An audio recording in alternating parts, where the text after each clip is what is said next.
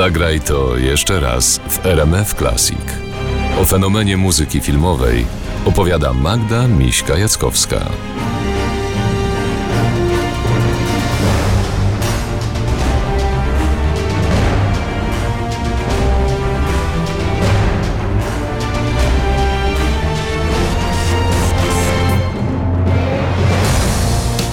12 odcinków, 12 miesięcy zapisanych nazwiskami, tytułami, premierami i sesjami nagraniowymi. To, co zdarzyło się dla muzyki filmowej w październiku, przyprawia ociarki i zawrót głowy. A zatem dziś o polonezie z pana Tadeusza, o emocjach w muzyce do Władcy Pierścieni, o pojedynku jazzu i klasyki w utalentowanym panu Ripley, a nawet o tym, jak pewien kompozytor zagrał szturmowca w Gwiezdnych Wojnach. Zaczynamy! Odcinek dziesiąty. A na początek Kiedyś encyklopedia PWN-u trzytomowa leżała w księgarni i zajrzałem z próżności pod literkę L, co jest napisane na mój temat i czy jest. A to było napisane tak, Lorenz, kompozytor nieprzewidywalny. Urodził się 5 października 1955 roku. Dał polskiemu kinu najwspanialszą, męską, jak ją sam nazywa, lirykę i mnóstwo melodii, którym nie oparli się nawet twardzi bohaterowie psów. Znaki rozpoznawcze? No, kokieteria jest moim znakiem rozpoznawczym również. Znaki rozpoznawcze, no, y, mm, podstawowe tonacje, ponieważ kiedy myślę o enharmonii, to, y, to, to blednę i się pocę i, i zaczynam umierać. Mm, Panika y, podczas pracy, histeria i brak kontaktu mm, i traktowanie reżyserów i producentów filmu jako osobistych wrogów. Także duże poczucie humoru, jak słyszymy, i dystans do sukcesu. Michał Lorenz, bodaj najpopularniejszy żyjący polski kompozytor filmowy, a także jeden z najpłodniejszych. Internet przypomina, że tylko w 1998 roku na 23. Festiwalu Polskich Filmów Fabularnych w Gdyni pojawiło się aż sześć filmów, do których tworzą muzykę. Ale jak to wszystko się zaczęło? Strasznie chciałem no, pisać muzykę do filmów, ale nie miałem o tym żadnego pojęcia i przez znajomości y, dostałem pracę klapserki w y, filmie Układ Krążenia y, z Edwardem Lubaszenką w głównej roli. I w pierwszym odcinku byłem klapserką z brodą zresztą, Pan mówi, byłem klapserką. no bo robiłem klapsa. Klapserem. No ale wtedy to, to był kobiecy zawód. Ja pamiętam jakie to było nieprzyjemne dla tych aktorów, że klapserka przy, przychodzi facet z brodą. I wie pani, ja nawet zgubiłem tego klapsa raz i musiałem go przez nas wystrugać. A kiedy okazało się, że klapsy wychodzą nierówne, Michał Lorenz, rozpychając się, jak twierdzi, łokciami, zmierzał już w stronę muzyki. Te do układu krążenia pisał Jan Kandy Pawluśkiewicz. Ja uprosiłem, żeby do jednej sceny mi pozwolił tam pobrzęczeć na gitarze i pośpiewać i on pozwolił.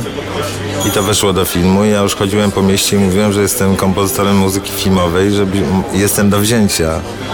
I szczęśliwie trafiłem na Andrzeja Kostenkę, który akurat robił film. To ciekawe, co mówię, czy nie? Tak?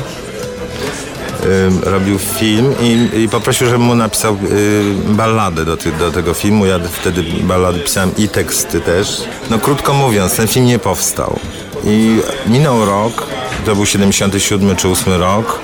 Krakowskim przedmieściem w zielonej kurtce szedłem, bo to było wtedy wojskowej amerykańskiej i w, pod, y, w podcieniach Dom bez kantów zabrudził mnie y, gołąb, który siedział na wyżej, więc schowałem się do hotelu Bristol, żeby się oczyścić i tam spotkałem Andrzeja Kostenkę, który właśnie zaczynał następny swój film. I powiedziałem Andrzej, no przecież ja miałem tą baladę pisać, to jak to jest? A on powiedział, no właśnie, chodź podpisać umowę i, i to był film y, Przyjaciele. Kino, emocje, muzyka. Dziesiąta muza bez tajemnic w RMF Classic. Psy, 300 mil do nieba, Różyczka, Kroll, Prowokator i dziesiątki innych, w sumie pewnie minimum 200 filmów kinowych i telewizyjnych w Polsce i za granicą. A spośród licznych przebojów, jeden temat, który z kina trafił do sal koncertowych i dumnie zajmuje miejsce obok Beethovena i Brahmsa. Bo aby zagrać brawurowo taniec Eleny z bandyty, trzeba naprawdę umieć.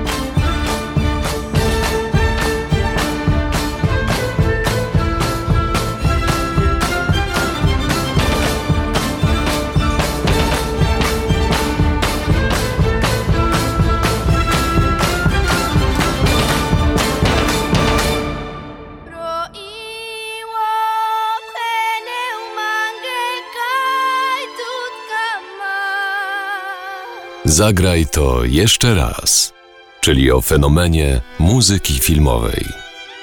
Odcinek dziesiąty w RMF Classic, a w nim Michał Lorenz, październikowy bohater polskiego kina. Liryczne tematy, pisane do sensacyjnych, mocnych filmów Pasikowskiego, pokazały nową jakość w muzyce filmowej lat 90. Nowe i fascynujące dla słuchacza, widza, były też etniczne elementy, użyte przez niego na przykład w Bandycie. Mówi Rafał Paczkowski, wybitny reżyser dźwięku i realizator najsłynniejszych nagrań w polskiej muzyce filmowej.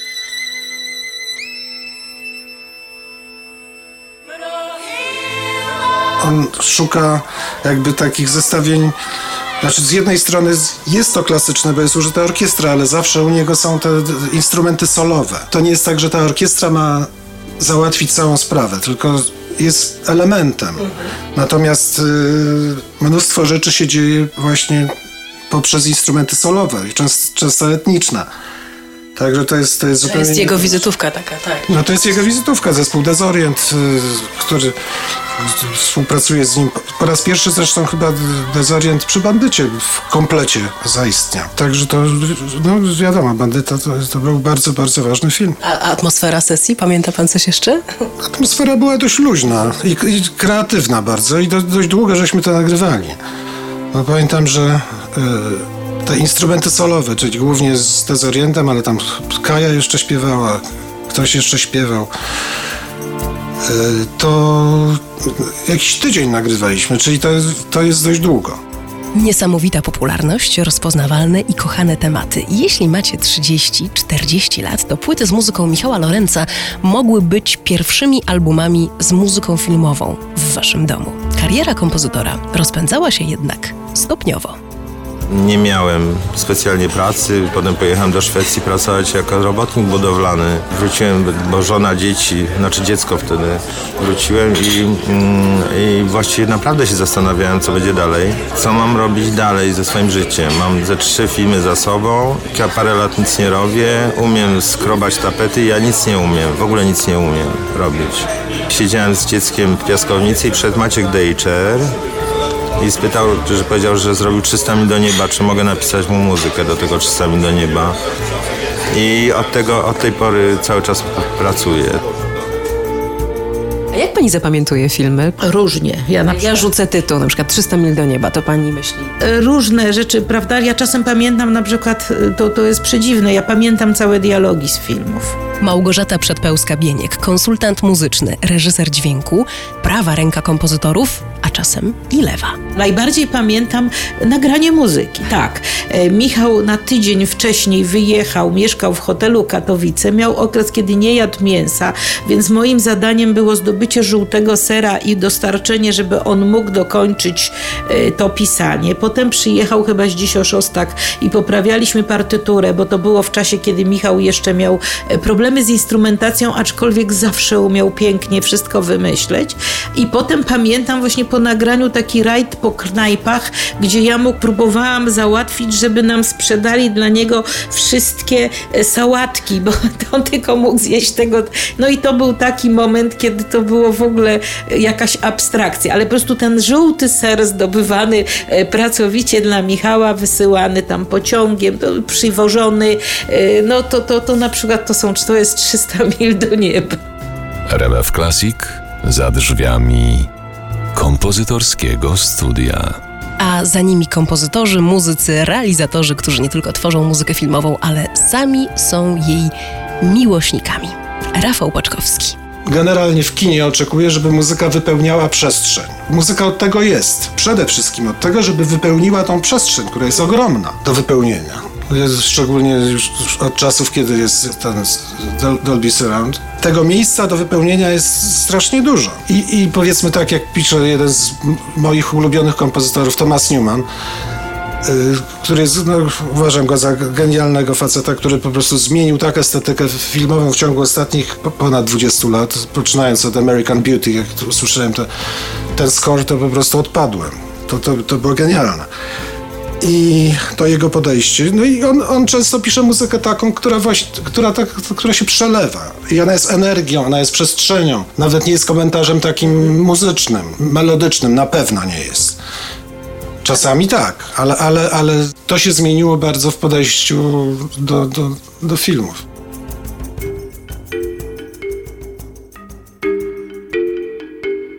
Thomas Newman, rówieśnik Michała Lorenza, urodził się 20 października 1955 roku. Ma swoje miejsce w 10 październikowym odcinku programu Zagraj to jeszcze raz.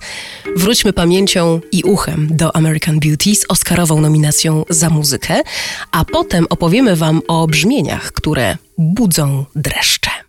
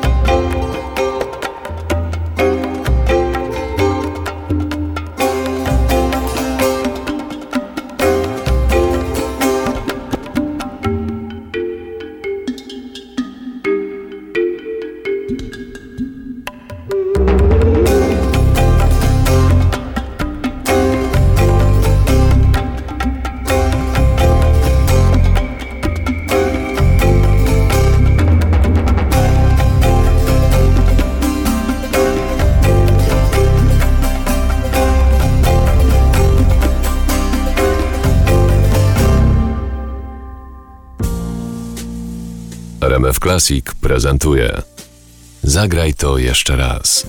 Opowieść o fenomenie muzyki filmowej.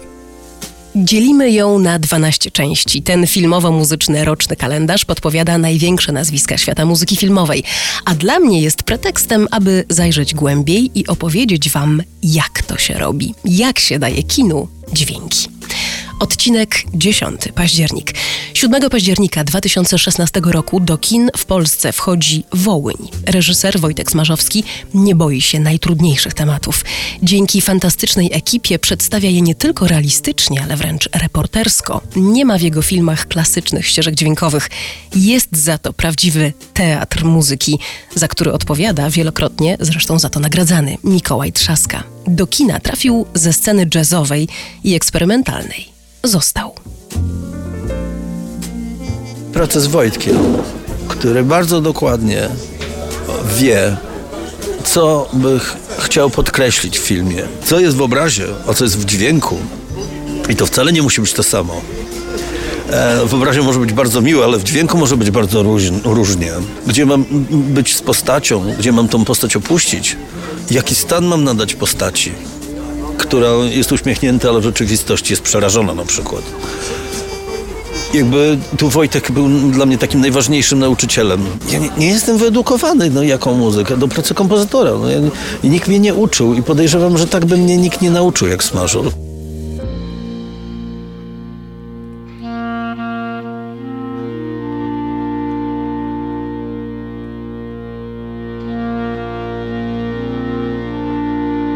Wojtek w kuchni miał taką, taką z taki, taki korek, taki, taką korkową tablicę i sobie wpinał w tą tablicę aktorów, których bierze do następnego filmu. Ten mi się podoba, mówił, bo ten mi zrobi to, co tamten. Ten już wiem, kim będzie, a ta to zrobi to, co robi zawsze, czyli będzie babcią klozetową. I mówił to tak, jakby wiedział, komu zaufać, czy komu nie. Ja pamiętam ten moment, no, pamiętam ten moment, który dla mnie był bardzo trudny, chyba najtrudniejszy, kiedy Wojtek powiedział, zrób to. Właśnie nie powiedział, nie, nie przyszedł powiedział, to nie jest to.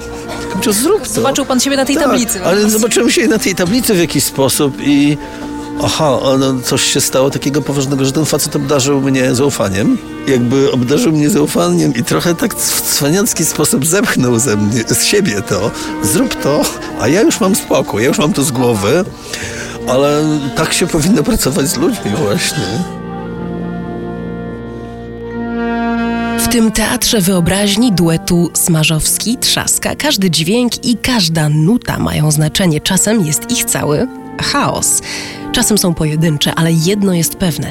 Choć bywa, że drażnią ucho, tak jak drażnią naszą duszę filmy Smarzowskiego, nie da się o nich zapomnieć. Lubię, kiedy piękne melodie opowiadają mi okropne historie. Tom Waits.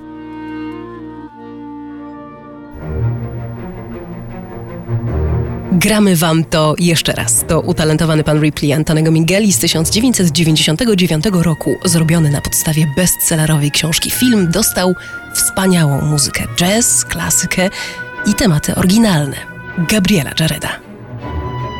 Urodził się w Bejrucie 7 października 1949 roku. Miał być prawnikiem, ale sympatia dla muzyki okazała się silniejsza.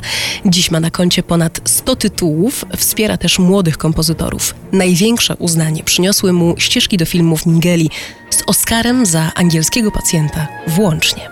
Ale my o innym filmie. Sztuka pisania muzyki filmowej w RMF Classic. O utalentowanym panu Ripley mówi Matajski Boom, kompozytor, a na nasze potrzeby muzyczno-filmowy mechanik, który zagląda pod maskę słynnym kinowym kompozycjom. The movie is all about deception, about lying, about fraud and all dark things. Cały film jest właściwie opowieścią o oszustwie, kłamstwach, udawaniu. In the films of Anthony Minghella, because he used to be an opera director. Muzyka odgrywa tu bardzo ważną rolę. Jak we wszystkich filmach tego reżysera, który reżyserował opery i wiedział doskonale, co muzyka może dać postaciom i samej historii.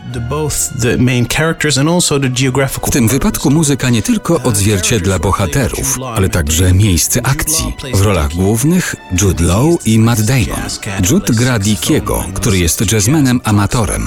Gra na saksofonie, ciągle o jazzie mówi. Damon gra Replaya, intelektualistę, który gra na fortepianie i słucha Beethovena. A miejscem akcji są Włochy. Słychać tu więc wiele starych piosenek jazzowych. Did I know you were Princeton, Tom? I don't think I did, did I? I always thought it'd be better to be a fake somebody than a real nobody. Why is it that when men play, they always play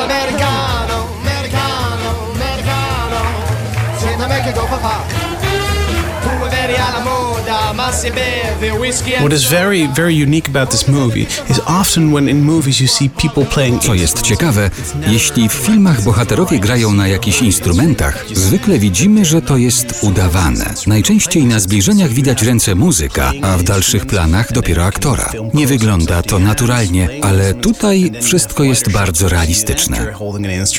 which often looks a little bit unnatural. And Mengele has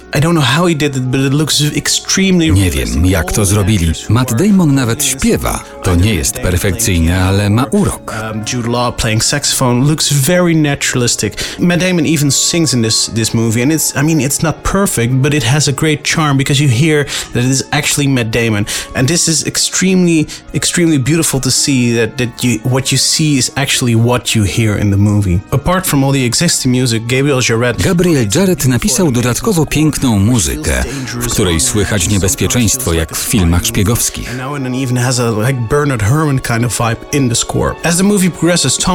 Tom Ripley zmienia się w tym filmie. Chce być Dickim. I tak jak zmienia się sam bohater, zmienia się i muzyka.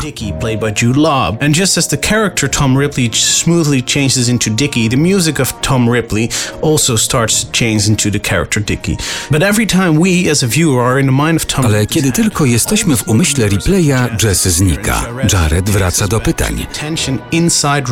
Czy widz zorientuje się, kim naprawdę jest Tom Ripley? Will his jazz persona be unmasked and will people see eventually who is Tom Ripley?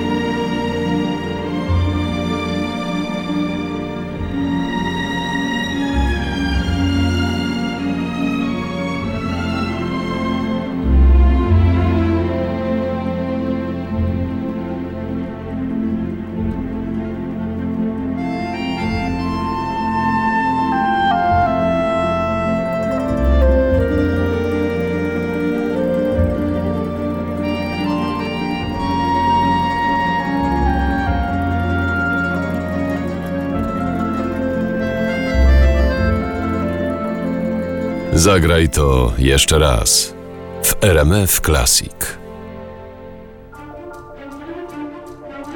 Z tego programu nie tylko dowiecie się, kto i jak pisze muzykę filmową, ale także dowiecie się, że czasem zdarza się i tak, że kompozytor zamiast w studiu pojawia się na ekranie. I często nie ma to nic wspólnego z muzyką do danej produkcji. Jesteśmy przy odcinku dziesiątym, to październik i październikowe wydarzenia ważne dla kina. Tak jak urodziny Michaela Giacchino, laureata Oscara. Michael od lat pracuje i przyjaźni się z J.J. Abramsem. Gdyby byli nastolatkami, wspólne wyjście do kina na Gwiezdne Wojny tylko by tę przyjaźń pogłębiło. Gdy jednak jeden z nich dostał propozycję pracy nad kultową sagą, wszystko mogło się zmienić. Posłuchajcie. Wyobraź sobie taką sytuację. Jesteś cenionym kompozytorem muzyki filmowej. Twój przyjaciel, reżyser, Właśnie dostał robotę marzeń. Ma nakręcić następną część Gwiezdnych Wojen. Przebudzenie mocy. Już przebierasz nogami z radości, że to ciebie zaprosi do współpracy. I nagle przypominasz sobie, że przecież przy Gwiezdnych Wojnach pracuje wielki John Williams. I wtedy twój przyjaciel niespodziewanie daje ci rolę. Zostajesz szturmowcem FN 3181. Nie widać co prawda twojej twarzy, cały jesteś w filmowej zbroi. A obok ciebie, również przebrani, książę William, Harry, a nawet aktualny odtwórca roli Jamesa Bonda. Tak Michael spełnił swoje chłopięce marzenie, a moc była z nim. Czytała Dorota Segda.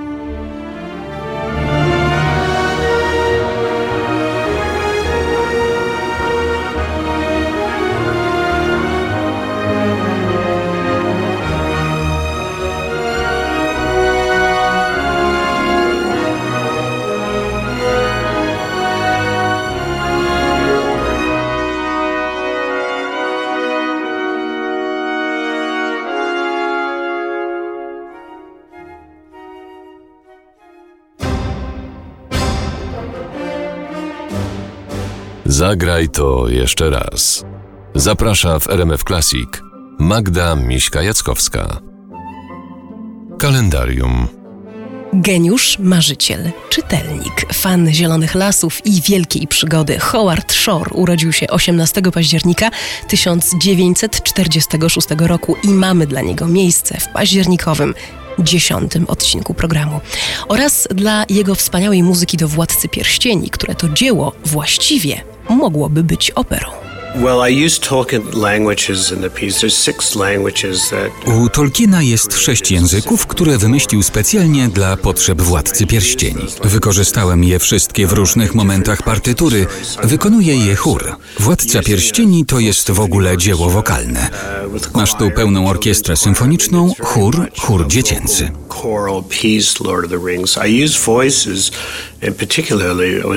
Wykorzystuję głosy i byłem nimi zainteresowany, ponieważ głos był na samym początku istnienia muzyki. Chciałem napisać coś, co miałoby element historii, antyczności. Głos był dla mnie silnym środkiem wyrazu. Czy śpiewam? Tak, kiedyś nagrywałem. When I was much younger, I did recordings, yes.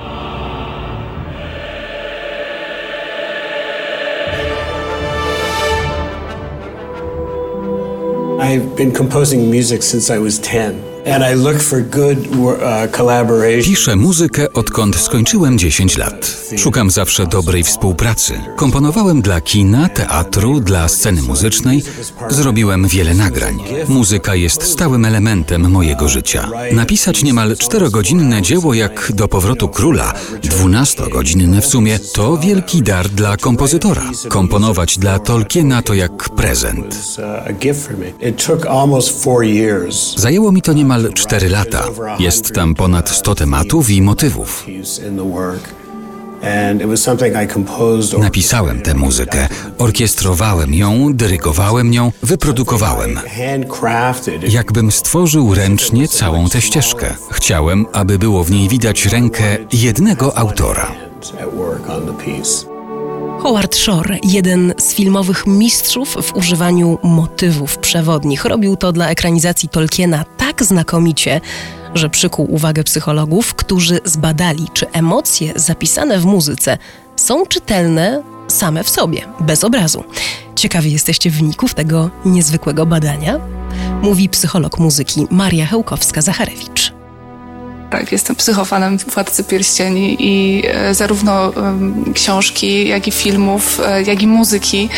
I mam też kolegę, który jest e, podobnie jak ja wielkim, wielkim fanem. Więc postanowiliśmy zrobić badania, e, w których chcieliśmy właśnie zobaczyć, jakie reakcje emocjonalne się pojawiają w odpowiedzi na te motywy muzyczne e, Władcy Pierścieni i jakie skojarzenia się pojawiają, ponieważ no, założenie jest takie, że leitmotiv powinien bezpośrednio od razu wywoływać e, skojarzenia z daną osobą, miejscem czy wydarzeniem i czasami nawet jest traktowany jako pewien substytut tegoż wydarzenia, osoby czy miejsca.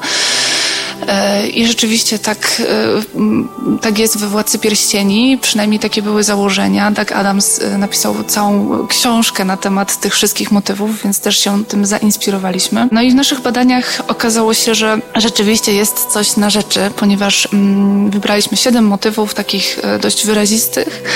Między innymi motyw Shire w dwóch wersjach, e, Rule Setting i Pensive Setting. E, I właśnie ten Pensive Setting to jest takie, e, taki ciekawy motyw, ponieważ on ma za zadanie przywoływać Shire w momencie, kiedy nie jesteśmy w Shire.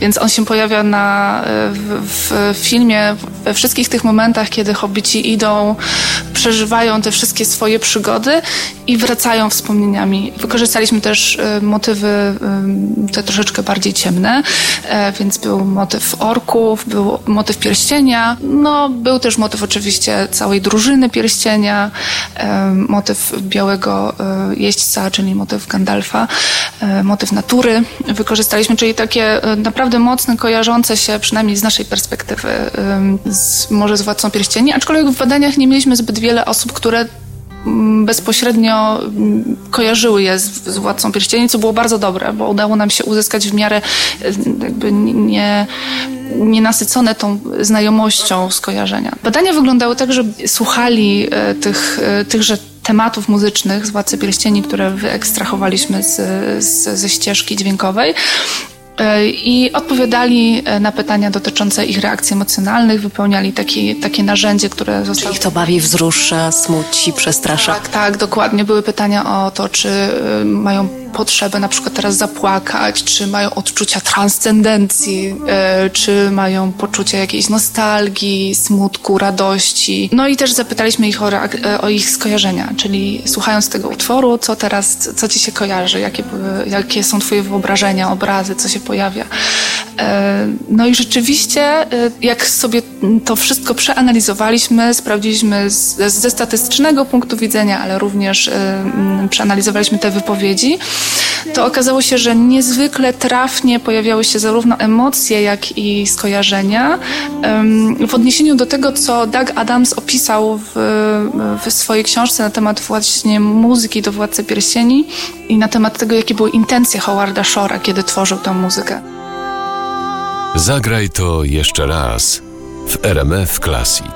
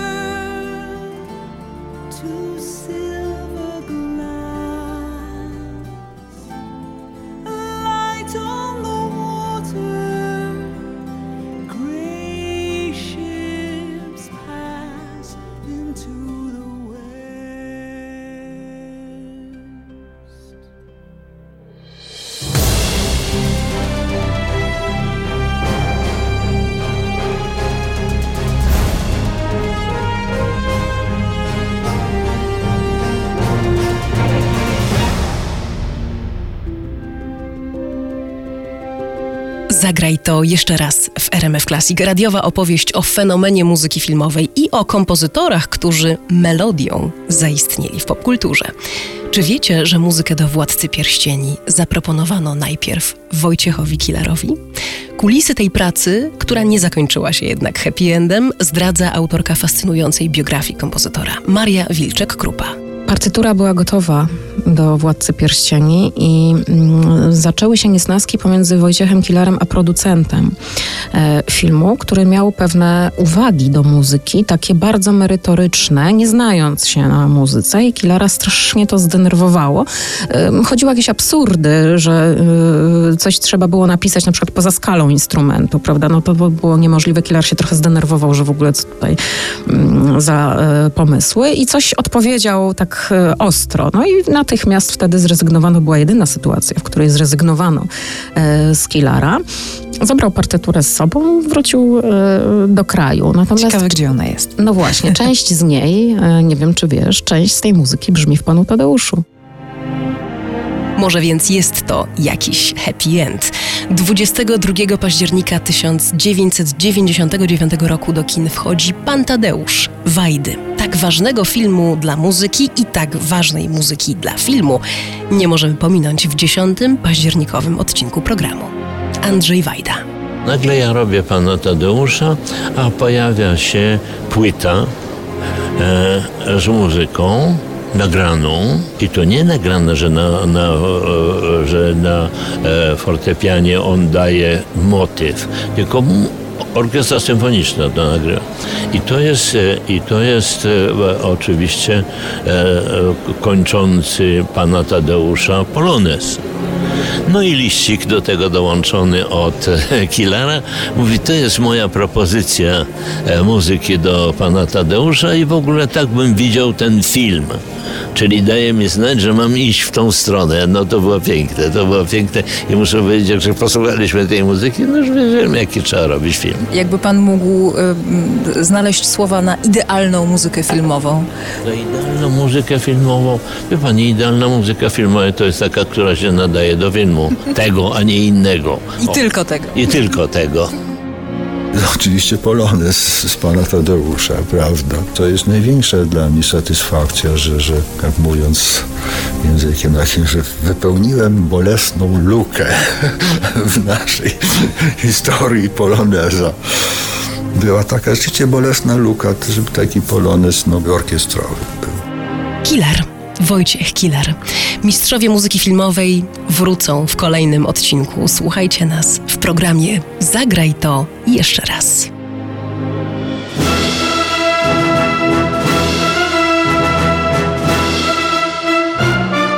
RMF Classic odsłania kulisy powstania najsłynniejszych tematów filmowych w historii.